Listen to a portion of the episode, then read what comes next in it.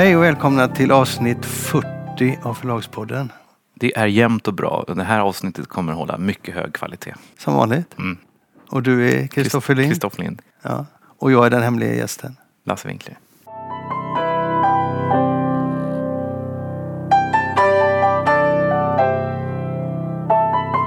Mm. Nu ska vi göra något så eh, sexigt som att prata en, om en av dina böcker. Det där är en liten känslig fråga.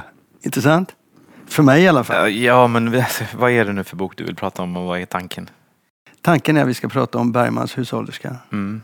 Varför går du ut den? Ehm, eh, därför att den skulle egentligen kommit på, har jag berättat det? Den skulle egentligen kommit på Leopard förlag men den stoppades. Nej?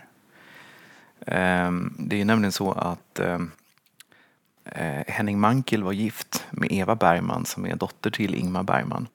Och boken, det fanns, ett, eh, det fanns nog inget avtal mellan Leopard och eh, Anita Haglöf som hon heter och Håkan Lager men det fanns ett, en överenskommelse och de hade liksom tagit i hand på att boken skulle komma ut. Och sen så ja, hörde Moelv Carlén av sig i sista stund och sa att jag är ledsen men det går inte. Det, jag sätter hela förlagets framtid på spel om jag ger ut den här boken så jag måste tyvärr dra tillbaka mitt erbjudande. Och de var ju båda då väldigt ja, förvånade framför allt men också väldigt, missnö- väldigt besvikna då över det här. Eh, och vad som, vad som hände det vet inte jag exakt men enligt Håkan Lager och Anita Haglöf så fick de känslan av att det var påtryckningar då från familjen, alltså Mankels hustru som, som inte ville att den här boken skulle komma ut.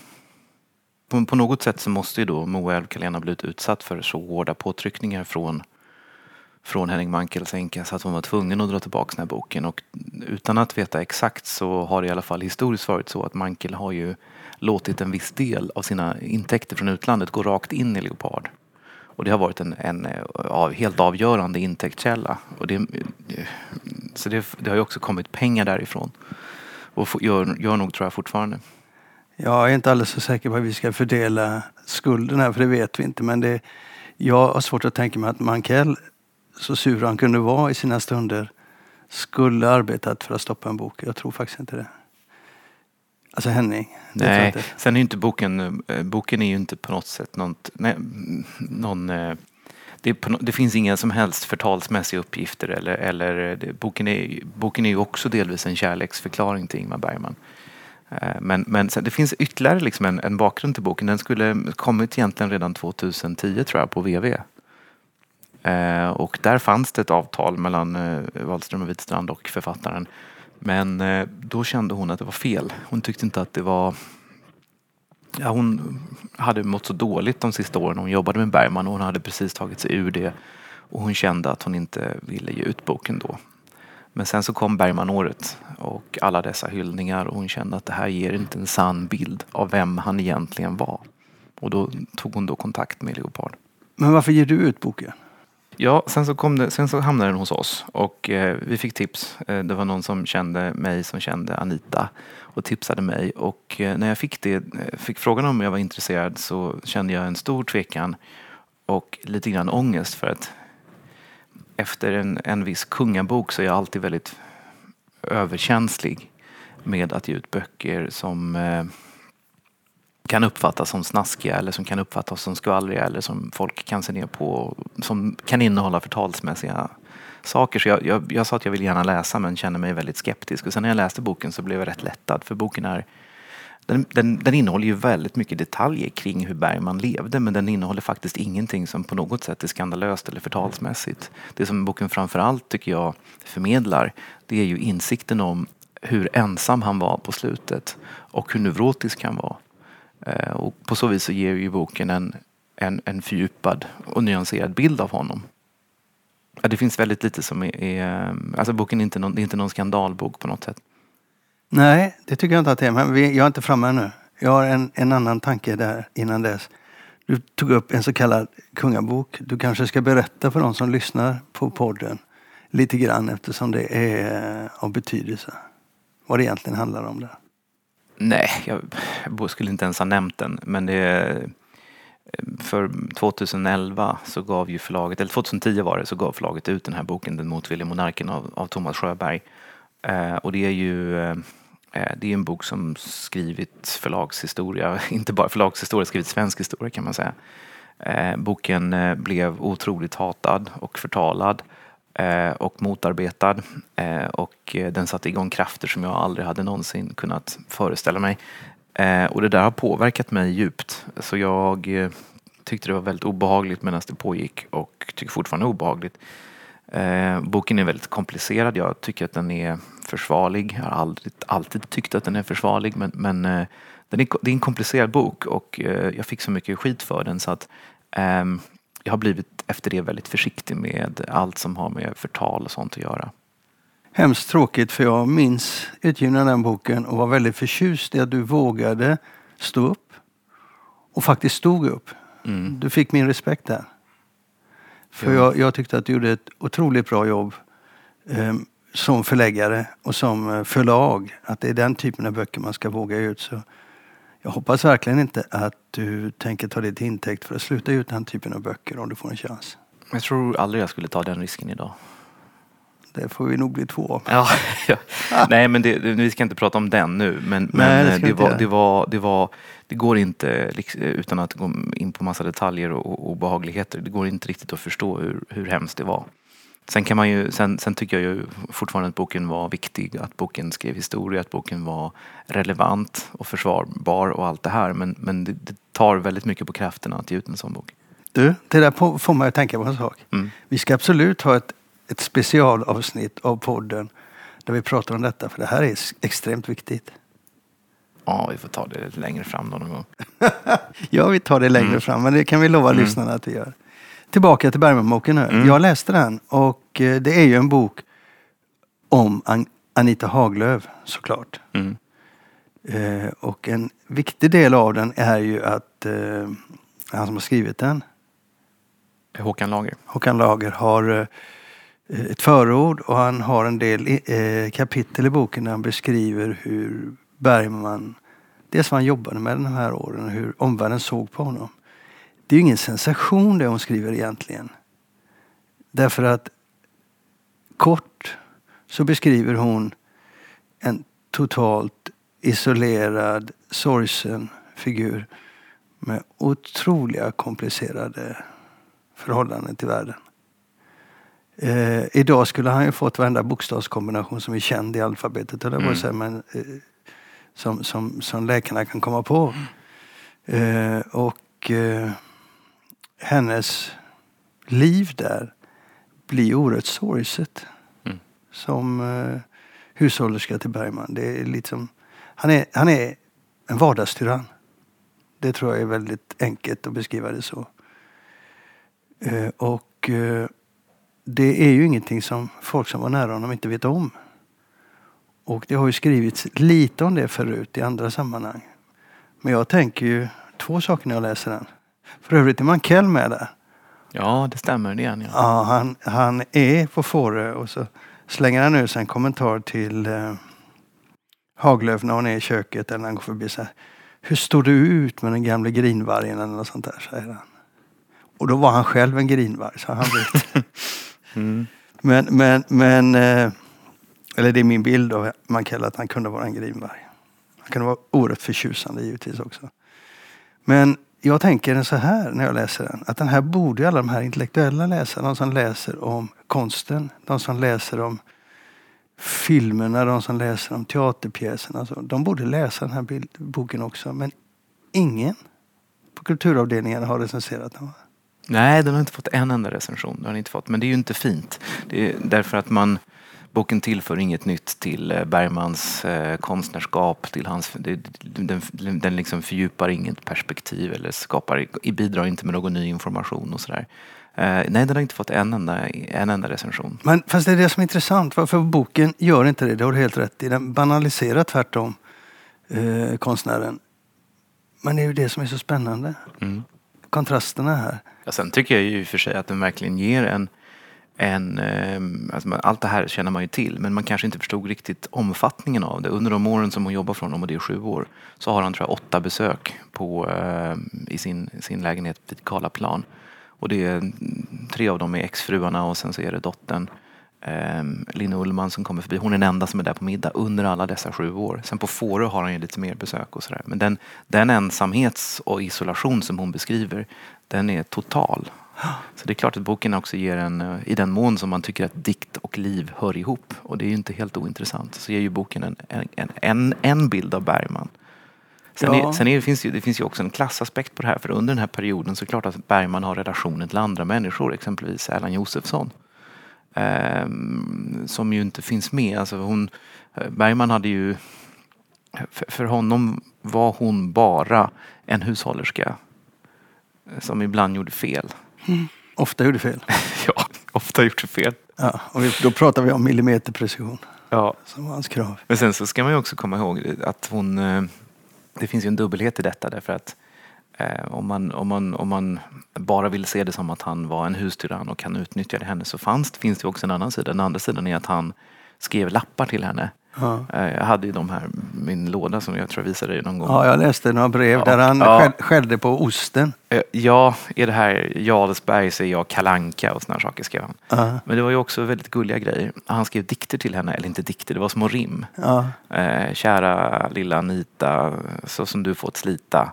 Jag hoppas du med mig står ut hela veckan ut. Alltså, det var triviala, fåniga saker, men han skrev till henne och det var gulligt. Eh, och det här, att hon jobbade för honom gav henne också en oerhörd status. En status som jag eh, ändå tror hon eh, uppskattade mycket som människa. Och hon kom ju från Dramatens eh, reception och där de träffades.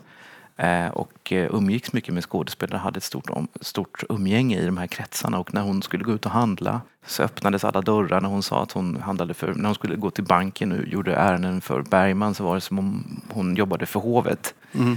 Eh, och det, det, det, var ju också en, det gav ju också henne en position. ja, den pratar hon inte någonting om utan hon pratar ju mer om hur Nej, hon, slitsamt det hon, var. hon talar inte om det men det fanns ju en sån sida också. Jag som inte är särskilt Bergman, eh, jag är ingen Bergman-kondensör. Jag, jag tycker rätt illa om hans eh, grävande den borgerliga själen. Så att, eh, men jag hade utbyte av det här. Alltså. En rolig, en rolig sak. Man kan ju ha utbyte av böcker som är triviala. Det tror jag är en, en, en viktig sak att säga. Det är många gånger som man uppskattar en bok väldigt mycket trots att man inte tycker att den är så fantastisk. Men Mm. att den tillför någonting eller att den är rolig att läsa eller att den, är, den har det där, det där lilla som inte är märkvärdigt men som man ändå är intresserad av. Och så är det ju med den här boken.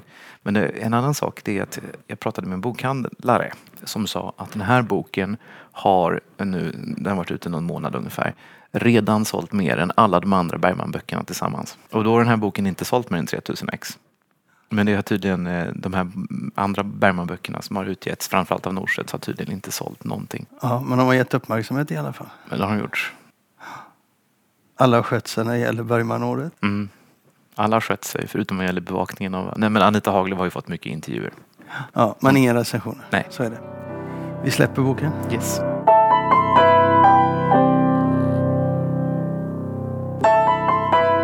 Nu är det käpphästdags. Nej, ja, Är det inte det? jo.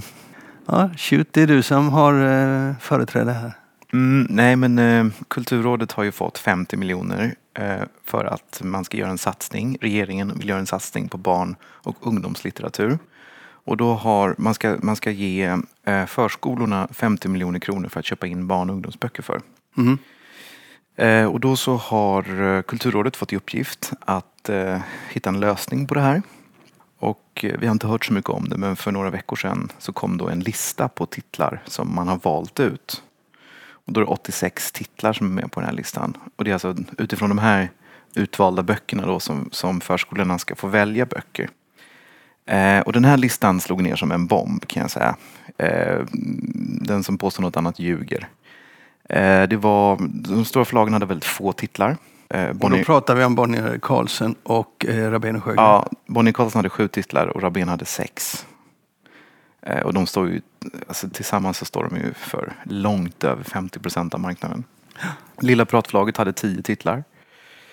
Eh, Lind Company hade två titlar. Och sen så var det förlag som Atrium, Kindlit, Hjulet, Lek och Tanke, Mirando, Speja, Vombat.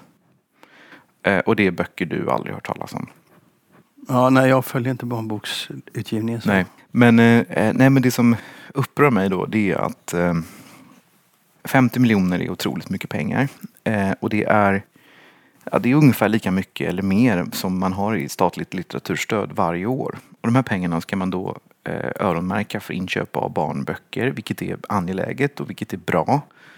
Eh, men istället för att låta då förskolorna bestämma själva vilka böcker som man ska få köpa in så har man låtit Kulturrådet göra det. Eh, och då låter man en grupp utav eh, intellektuella, eh, en intellektuell Stockholmselit som bor på Södermalm och går till Kulturrådet med tygpåsar välja ut böcker utifrån Kulturrådets vanliga kriterier om eh, att det ska vara interkulturellt och mångfald och såna här saker. Och, eh, ja, det, men det, det, måste de göra för de har ju regleringsbrevet från regeringen som klart uttryckt det. Och det är den som styr det här arbetet. Nej, jag menar på att man hade kunnat göra på ett annat sätt. Eh, man hade kunnat låta förskolorna välja själva. Det är ju också så att eh, förskolepedagoger de har ju utbildning. Eh, de känner sina egna barn. De vet vilken typ av behov de har just på deras förskola. Och de vet vilka önskemål som finns. Jag tror att man, man tar ju bort, det är samma sak med en bokhandel när du har har personal som själva får bestämma vilka böcker som ska köpas in så brukar de ha ett större engagemang. Här drar de ju helt bort engagemanget från förskolorna som bara ska få välja ur en mycket begränsad lista som någon annan har hittat på. Men vad är det värsta som kan hända? Det är ju att de här förskolepedagogerna får välja själva. Då kanske de väljer fel böcker. Utan de kanske väljer alldeles för kommersiella böcker. Utan det är bättre då att man har då en, en grupp statliga byråkrater som väljer åt dem. Eh, helt galet om du frågar mig. Ja, jag har inte förväntat mig något annat från dig om jag ska vara ärlig. Jag tycker också att det är väldigt stökigt. Jag tycker att det, i, i det godas tjänst så gör man en väldig skada här. Alltså. Det, det motverkar syftet man har. När jag tog upp regleringsbrevet så menar jag det att de arbetar ju efter det. Va? De är väldigt politiskt medvetna. Och jag, jag har inget emot att de är det. Men jag har emot det när de styr verksamheten så hårt ja. som de gör. Nej, men det, det, regleringsbrevet, alltså så här, eh, formuleringen från regeringen är väldigt eh, eh, den är väldigt enkel och det är att det ska vara Kulturrådet får det här uppdraget, ska, det ska gå till, till, eh, till eh, kvalitetslitteratur. Bara där blir det då problem för då måste ju Kulturrådet arbeta utifrån de riktlinjer som man har och man måste arbeta utifrån det sätt som man känner till.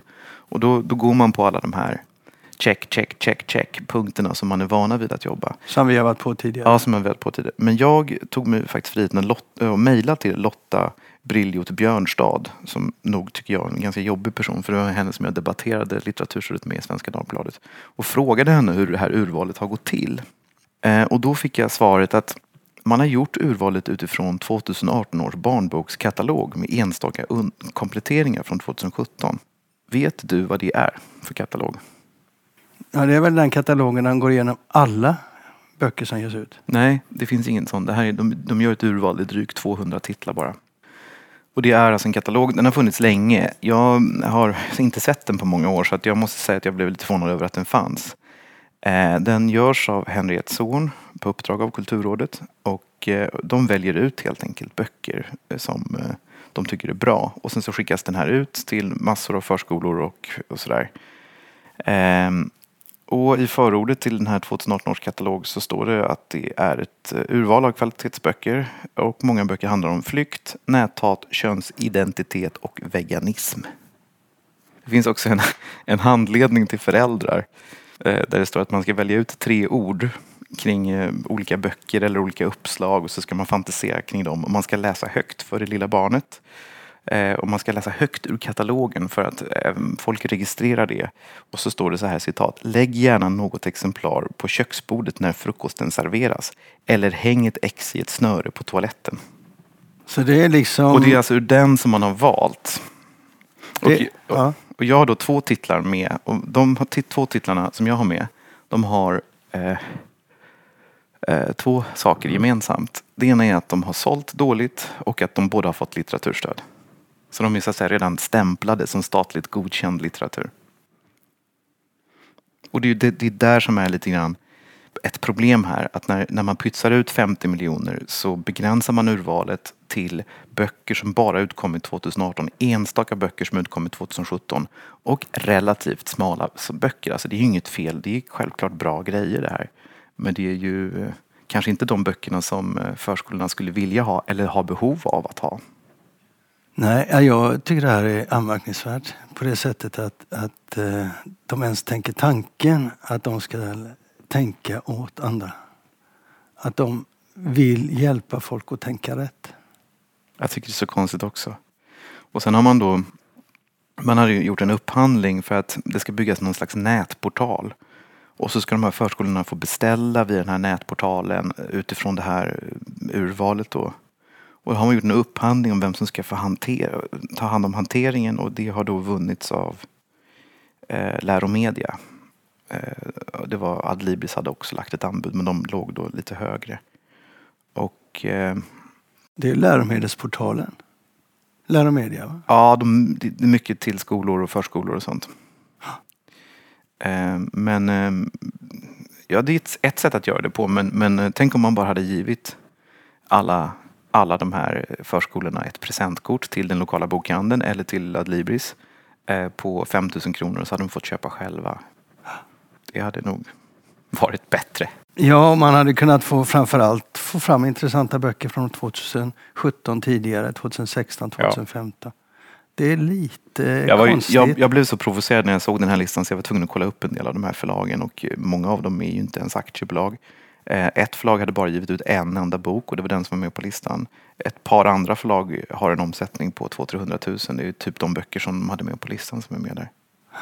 Så det är ju ett väldigt, väldigt konstigt, eh, konstigt urval. Varför Det är inte ett, ett urval av, eh, det, det är inte ett urval som speglar bredden utan det är ett urval som speglar kriterierna för Kulturrådets krav. Ja, men det tror jag. Det tror jag. Jag har också varit i kontakt med några förlag som är rätt, alla, alla är missnöjda va. Eh, förlagen tycker att det är fel böcker som har valts ut, att det är, de tycker de är besvikna över att det bara är förra årets böcker som har valts ut. Ehm, eh, och de stora förlagen tycker att det är skandal att de har så få titlar och det är inte klokt att eh, Rabén och Bonnie Carlsen har sex sju titlar, det är inte klokt. Och så att man lyckas här göra, tror jag, alla besvikna. Eh, Förlagen är besvikna. Eh, Ja, inte de små förlagen. och, och, nej, inte de riktigt små förlagen. Förlagen är besvikna och eh, förskolorna får eh, eh, inte välja böcker själva och inte de böcker som de kanske hade velat ha. Men man checkar av satsningen på barn och ungdomslitteratur. 50 000 check. Eh, 50 miljoner check. Men vad- vi vinner ju någonting på det. De blir ju rättänkande, varenda barn. Varenda barn får möjlighet att läsa böcker som handlar om flykt, näthat, könsidentitet och veganism. De kommer bli så lyckliga. Ja, vi, kan, vi kan ju ironisera över det. Jag tycker i och för sig att det inte skadar att göra det, men jag tycker att det här är helt fel väg att gå. Ja.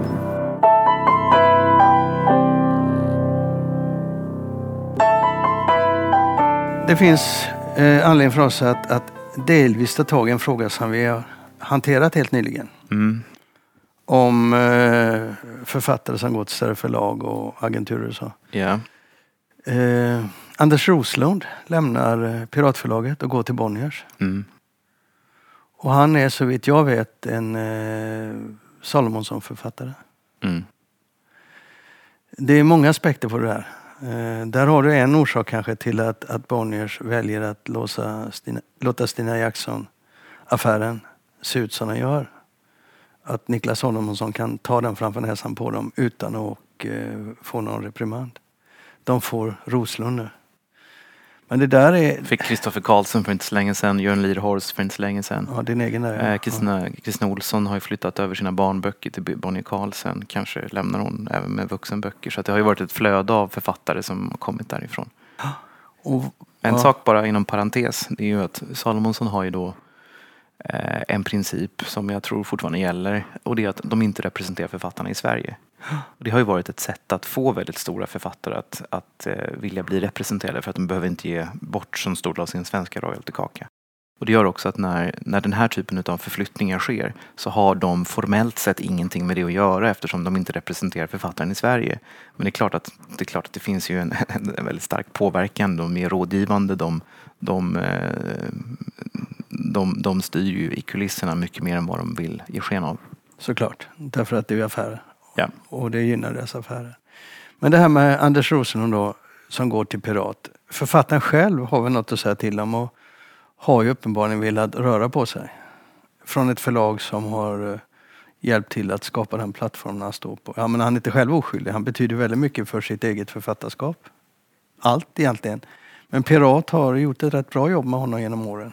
Men så har, som de flesta siffror, har det väl börjat dala och då har han blivit missnöjd. Jag vet inte. Jag vet inte heller vad är, vad, vilka, drivkrafterna, vilka drivkrafter han har. Men eh, de, de drivkrafter som brukar vara de vanliga, det, alltså det kan ju vara så att man är trött på sitt förlag, det kan vara så att man är trött på sin förläggare, det kan vara så att man vill, man, man vill testa någonting annat. Och det är ju det är en aspekt som man alltid ska komma ihåg för liksom det måste finnas en rörelse på en marknad och sådär. Det, det, är inte konstigt, jag menar det kommer författare till oss från mindre förlag och sådär. Det kommer från, lämna författare från oss och går till andra så att det, det ska ju finnas en rörlighet, inte konstigt. Eh, men, men eh, det som oftast då ligger, ligger med när någon byter, det är ju att man är missnöjd med försäljningen. Eh, och att man tror att gräset är grönare på den andra sidan. Och i fallet med AB så det, finns det också en, en prestigeaspekt. Alltså att en, en viss typ av, av författare där prestige och eh, betyder mycket. De, har, de dras ju dit som magneter på något sätt. Eh, I fallet Roslund så har, vet jag inte om han, han, han, är en sån person. Det, intrycket har man ju inte fått. Nej, inte jag heller. Han är inte en sån person. Nej, men eh, jag tror ju att, eh, att många tänker fel. Va? Därför att Eh, om man tar Roslunden då som exempel så har han kommit ut på ett förlag som verkligen har gjort allting för honom. Det är en liten organisation som ändå har stora muskler och ganska stor, ganska stor kompetens och ganska många anställda. Han har fått en oerhörd service. Eh, jag har svårt att se hur, alltså AB, klart att de kan ge honom den servicen men AB har så väldigt många andra som också ska ha den servicen. Och nu har man samlat på sig så många stora författarskap så det finns ju också en, eh, en eh, väntköproblematik. Att de kan inte, alltså de kan inte ge ut liksom fem, fem deckarförfattare samma säsong och sådär och då kommer GV med en bok, sen kommer han med en bok och hon med en bok. Alltså man måste liksom planera på ett annat sätt. De får slottider på AB som de inte skulle fått på, på piratförlaget och de blir ju, de blir ju då en utav 15, en utav 20 istället för att vara kanske stjärnan. Så att jag, tror att, jag tror att det är, jag, jag, är liksom kan, kan, jag, jag känner ju branschen, jag vet ju hur människor funkar och, och det här kommer vi säkert fortsätta se men jag tror att väldigt många tänker fel. Men jag tänker på en annan aspekt. Nu har Piratförlaget blivit av med tre av sina tyngsta författare. Eh, och till Bonniers. Det är anmärkningsvärt på så kort tid. Och som marknaden ser ut idag så tror jag Bonniers ska fundera. Kan det skada branschen? Kan det göra så att ett förlag går under om man tar för många av deras bästsäljande författare? De som ska, Tycker du att de har det ansvaret? Nej, de har inte alls det ansvaret. Men de kommer få en otrolig backlash om till exempel Piratförlaget genom sådana här övergångar plötsligt står i en situation de får svårt att överleva. Den situationen finns ju inte utan Piratförlaget är fortfarande ett väldigt stabilt förlag med oerhört stark kassa. Jag tror att nu föregår du verkligen händelseutvecklingen. Men det är väl här som också är oro, oroväckande när, när ett förlag tappar författare, att det kan skapa en negativ spiral. Ja, det finns många aspekter av detta. Jag menar att, att när du har tre sådana författare, eh, väldigt synliga författare och en del som bidrar med balansen till, eh, till att kunna ge ut författare som kanske inte är så lönsamma. Så blir det i alla fall över en period blir det väldigt ansträngt för ett förlag. Och det är lite surt när ett förlag tar så många. Jag menar, Bonnier är ju inte främmande för det här, de har gjort det förr. Mm. Men då har det varit i andra situationer. Jag menar, bara ta Bonniers eh, När bra böcker Eh, och man kan tycka idag, eh, tio år senare, hur kunde Bra Böcker ha så många bra författare som inte lyckades med innan gick i konken. Bonniers har ju tagit då från Bra Böcker Jussi Adler Olsson, de har tagit Stephen King, de har tagit Arne Dahl och de har tagit John Grisham. Och de har tagit dem i olika perioder utav, utav vad heter det, Bra Böcker. Men egentligen, om Bra Böcker hade varit ett välfungerande förlag och, så hade det varit väldigt eh, grisigt att göra så. Mm. Men nu tog de ju mycket när Bra Böcker visade att de var faktiskt rätt hopplösa. Då gick de in och ville komma till oss. Mm. Så, så, så där kan man inte säga så mycket med alla. Va? Men, men de har ju vana vid att ta författare. Oerhört många av deras framgångsrika författare kommer ju från andra förlag. Leif GW kommer ju från Pirat. Till ja, exempel. han debuterade väl med de första böckerna på Bonnier tror jag. Ja, hundra år sedan då. Så sen ja, gick det så. Ja, hundra år sedan. Ja, men sen blev ju då Grisfesten och de här på ja. de kommer ju på Bonnier. Så att de är rätt vana vid det, att ta författare Mm. från andra, andra förlag. Det låter så roligt när du säger ta författare. Jag får en bild framför mig där jag ser hur eh, Håkan Rudels och Magnus Nutell och eh, Daniel Sandström springer omkring med hovar och fångar in folk. Nej, det är, det är inte deras jag. Jag ser det framför mig. Nu tar du fel där. Det är Göran Wiberg. Jaså? Ja, han som har hand om ekonomin och försäljningen. Som är på, direktör på den sidan. Det är Mm. han som drar Springer in. omkring med hoven. Ja, ja. Han vet ju vad det innebär. Mm. Skämt åsido. Men det ryktas ju om även andra större författare. I, i eh, Salomonssons eh, stall. Ja, På väg in tänk, till tänker du på Jonas Gardell eller? Ja. Mm. Men det vet vi ingenting om. Det är bara ett rykte som går. Så att, eh, ja. Men det börjar bli, det ska vara intressant att se, se eh, en lista där man gick igenom Bonnierförlagens författare se hur många så att säga har börjat sin karriär och blivit framgångsrik på andra förlag. Och där finns det en annan aspekt som jag vill lyfta fram utan att folk tycker att jag är missunnsam och talar, talar skit om någon. Och det är ju att Albert Bonniers förlag som är ett jättefint förlag. När vi säger AB här eller Albert Bonniers förlag så ingår det är ju hela Ja, Bonniergruppen. alla hela. Bonniergruppen. Men det är väl mest uppenbart att man på AB och VV har haft problem att att lyfta fram och odla upp egna författarskap. Eh, Alltså Forum har varit ganska duktiga på det. Det man faktiskt, måste man ge Forum. Ja, de har varit väldigt duktiga De har varit otroligt duktiga på det. Men på AB och VV så har man inte riktigt varit så duktiga på det. Eh, och det är inte så konstigt för man, är duktig på så mycket annat. Man är väldigt litterära förlag. Eh, och man är duktig på att vinna Augustpriset och få Nobelpriset. Men man behöver ju också då deckarförfattare. Men man, man har inte riktigt kompetensen i huset. Eh, och det är en annan aspekt. Att man går då, om man tar Anders Roslund, han lämnar då ett förlag som är eh, otroligt duktigt på eh, kommersiell skönlitteratur som har kompetensen både på förläggarnivå och på redaktörsnivå och även i övrigt i, förlagsverksamheten så går man då till ett förlag där väldigt många människor ser ner på deckare, aldrig läser deckare och man går dit för att vara fin men man går till en miljö där deckarförfattarens uppgift är att dra in pengar. Det är de som vinner August och Nobelpriset som är viktiga. Så det finns ju också en, en, en sån aspekt som, som är intressant ur liksom kulturkrock. Det var lite surt sa räven där va? Men att jag, hur menar du? Nej men att du är lite irriterad där. Nej, jag, jag bara beskriver hur det faktiskt är. Alltså det, det, det, eh, AB är ett fint förlag eh, som inte har så mycket deckare i så säga, undervegetationen. Man ger inte ut så mycket deckardebutanter och sådär. Eh, man får dem, de kommer dit för att de är fina. Ja, man tar sina, i alla fall Ja. sina storsäljare Ja. utifrån. Man tar sina storsäljare utifrån men man kan inte odla upp dem själva. Nej, väldigt lite så. Och sen så har man, eh, man har inte en, en- man har en lit- en litterär miljö där kanske inte deckare har så hög status. Det ska dra in pengar. Jag tror att de har fått hög status eftersom faktum är att Bonnierförlagen har förändrat sig. De är inte riktigt lika fina, i alla fall inte internt i, i företagskulturen. De har nog vett på att eh, försöka balansera det. Det tror jag sedan länge. Man ser ju inte det i eh, debutantutgivningen riktigt. Nej. Nej, där har man kanske inte eh, kompetensen. Det har du helt rätt Men det i. är mycket möjligt att man har en medveten strategi att säga att vi ska inte ge ut deckardebutanter för vi kan ändå plocka dem när de har blivit stora på andra förlag. Det kanske är en medveten strategi. Där var surt sa räven. Det är billigare att låta piratförlaget odla upp författarskap. Ja jag, jag är lite jag är lite störd. Jag hoppas att eh, kommer över det här. Men skulle det drabba dem så ska då ska man eh, kalla en häst för en häst och då ska man titta på vad Bonnierförlagen har gjort i så fall. Okej? Vi behöver inte vara överens här du och jag. Men, Alltså, jag håller med dig, jag håller bara tillbaka. Det är så det är. I alla, Gäller detta alla punkter vi pratar om? Nej, men just i den här punkten. Alltså jag, jag började tänka på det här vi talade om Amazon. Att det finns en gräns när ett företag blir, gör så mycket ont så att fo- folk, det blir liksom ett folkligt uppror mot det företaget. Nej, Ja. det får vi stryka. Nej, det ska vi absolut Nej, inte men det får vi stryka. stryka. Men, nej, men det här ser inte bra ut.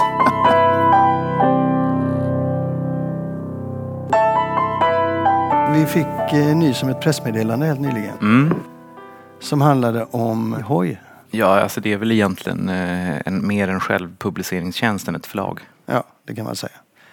Och nu, Författarna betalar alltså för att komma ut där. ja. och nu har de då kommit med ett eh, förslag till sina författare, eller i sin marknadsföring, De har gått tillsammans med ett riskkapitalbolag, det är det väl? Va? Nej, eh, alltså bolaget som heter Toborrow. ehm, Jag måste fråga, har Ja. du hört ett sånt jävla löjligt namn förut? nej, To borrow. Tomorrow. To borrow tomorrow. Hello, hello, hello. ja, det, det är inget riskkapitalbolag. Däremot så ägs det bland annat av delvis Bonnier-ägda NFT Ventures som är ett eh, bolag som investerar i fintech. Eh, Och Toborrows idé är att man ska, man ska, alltså privatpersoner kan låna in pengar och sen så lånar de ut pengarna till högriskprojekt som de tar en högre ränta av och sen så kan privatpersoner få då en bättre avkastning på sina placeringar än exempelvis eh, om man hade haft pengarna eh, på banken eller något annat. Och det här kallas peer- peer-to-peer och det finns andra företag som håller på med det här. Lendify är en konkurrent bland annat. Ja. En ljuvlig affärsmodell. Eh, Hur tänker du då? Alltså, Hoy går ut och ser till att de får någon som lägger pengar på författarna så att de kan betala Hoy. Så allting handlar ju om att Hoy ska på något sätt maximera sina möjligheter ekonomiskt. Det här, Ja. det här är ju mer till för Hoys välbefinnande än författarnas välbefinnande. Ja, i praktiken handlar det om att Hoy hjälper författarna att till en relativt hög ränta, jag skulle tro att den är säkert 7, mellan 7, 8, 9 procent, så får, kan de få genom Toborrow f- få ett lån så att de kan betala Hoy för att ge ut boken. Ja, så Hoy kan hålla sig Det flytande. är som att finansiera utgivningen med Finax-lån. Ja. Och dessutom, det är intressant, eh, för att få lån så måste författaren vara rätt solvent. De måste ha ett aktiebolag Mm. och det får inte vara nytt. För de ska kunna ta kreditupplysningar på Mm. dem. Och det, författare hmm, och aktiebolag, det brukar inte vara de som omsätter rätt mycket pengar. Nej, det brukar inte vara. Och det här är ju oftast författare då som inte är, kan få ut böckerna på annat håll, som ger ut sig själva. Så att, men det är möjligt att det, det ja, ja, nej, men och det gör ju också att man undrar lite grann varför Toborrow eh, går ut med pressmeddelande och eh, börjar jobba med den här typen av mikrokrediter. För det här, här är ju verkligen ett litet projekt så att säga. Kan, Mm. inte, kan inte dra in så mycket pengar. Men det, det som jag tycker är lysande det är när Hoy, Hoy går ut i pressmeddelandet och säger att vi är en garant för att bokprojektet är seriöst och värt att satsa på. Alltså gentemot eh, de som lånar ut pengar så säger Hoy ja det här är värt att satsa på. Och jaha, för vilken, av vilken anledning då? Har ni bedömt det här manuset som ett väldigt bra manus? Eller har ni bedömt det som att ja, det här är seriöst för här kan vi i Hoy tjäna pengar? Jag vill ju tro på det sista. Ja. Nej, det är, det är en lustig formulering, verkligen. Mycket konstig. Ja, Men de kanske har haft problem med att det har varit väldigt mycket bra idéer som eh, de inte har lyckats få finansiering på. Så det, ja sen kan man fråga sig om, om prislappen är realistisk. Man kan få låna mellan 50 och 200 000 och Hoy går ut med att ja men då har de ju pengar, författarna pengar till marknadsföring också. mm. Och man bara känner, orka. Jag menar, går vi tillbaka och tittar på hur det går för de här författarnas böcker. Det vill de ju inte höra. Så går det inget vidare. Det finns några undantag. Nej. Det är ungefär som den amerikanska drömmen. Du ska ha de här människorna som visar att den är möjlig. Sen kanske det står miljoner bakom som aldrig lyckades. Jag tycker att det är lite på gränsen en sånt här, eh, sån här grej alltså. Men en sak tycker jag är intressant. Den får ju författare, som, de som vill bli författare, att inse att det är inte gratis att ge ut böcker. Det är det ena. Och det andra är att ja, förlagen ger ut böckerna utan att ta betalt för det. Mm. Det är ju liksom en del utav eh, förlagens eh, så att säga affärsmodell. Att gungor och karuseller, att de som går bra de får vara med och betala de som går dåligt. Och att det finns en, en kvalitets... Eh, Jo, men det, det, Filter det, hos det har du faktiskt rätt i. Det har hänt oss eh, ett par gånger när vi har givit ut ljudböcker från, av, av eh, författare som tidigare gett ut sig själva. Där de blir väldigt förvånade när de får ett förskott och en royalty. Och de frågar men eh, så det kostar ingenting? Nej, säger vi, det kostar ingenting. I något fall så har, det till, har de till och med varit så förvånade och lite sådär misstänksamma över det här. Så att de har velat skriva in i av, förlagsavtalen att det ska stå att författaren inte ska betala någonting av produktionen. Om det är så att de här författarna är solventa så är det ju mycket bättre att de eh, belånar sin sommarstuga, sin villa eller sin bostadsrätt än att de går och tar ett Toborov-lån med 8% ränta. du tror det? Nej, inte tror det, jag vet det. Därför att, Därför att bostadsräntorna är kanske på 2% eller ännu lägre om du har en bra, bra ränta. Men, men eh, de här lånen, de här, det här är ju, blir väldigt dyra lån. ja, men du behöver inte vara rädd för att du blir av med lägenheten. Nej, men du blir, alltså det här lånen är ju... Det är bara fjanten. De här lånen kommer ju någon också kräva tillbaka. Ja, ja. Så det, det, här kommer gå till Kronofogden och sånt om de inte betalar tillbaka det. De flesta har ju, i bästa, alltså många har ju utrymmen på sina bostadslån. Så att, eh, Men det, här, så- det här är ett väldigt dåligt sätt att finansiera någonting på. Ja, det är det. Det här är väldigt dyrt för, för författarna. Det som stör mig är ju att det alltid presenteras i så positiva ordalag. Och det spelar egentligen ingen roll om Hoy har haft goda ambitioner. Det är ett, ett skitförslag. Ah, jag vet inte, jag menar någonstans Hoy har en affärsidé och den är att ta betalt för folk som inte kan få ut sina böcker på andra förlag att ge ut dem själva. Det är väl inget fel, det får man Nej. väl ha som affärsidé. Ja, det har- Och sen det har- sen, Och sen har folk svårt att finansiera detta och då har de med den nya fintech-industrins eh, möjligheter hittat ett bolag som eh, ska hjälpa dem att få dyra lån. Ja, klart det kanske inte jättebra men det finns ju inget, det är ju inget brottsligt det här utan det, är alla, det finns ju fri vilja liksom. Det, Ja, folk, det finns folk, frivilliga. folk får ju faktiskt göra som de själva vill. Ja, men när man presenterar det så tycker jag det är lite skitförslag. Det är klart att om man presenterar det som vi gör så hade ingen brytt sig om det. Jag, all- jag, håller- jag håller med, det är lite pinsamt. Det var allt för den här gången. Avsnitt 40 av Förlagspodden är slut. Tack och hej.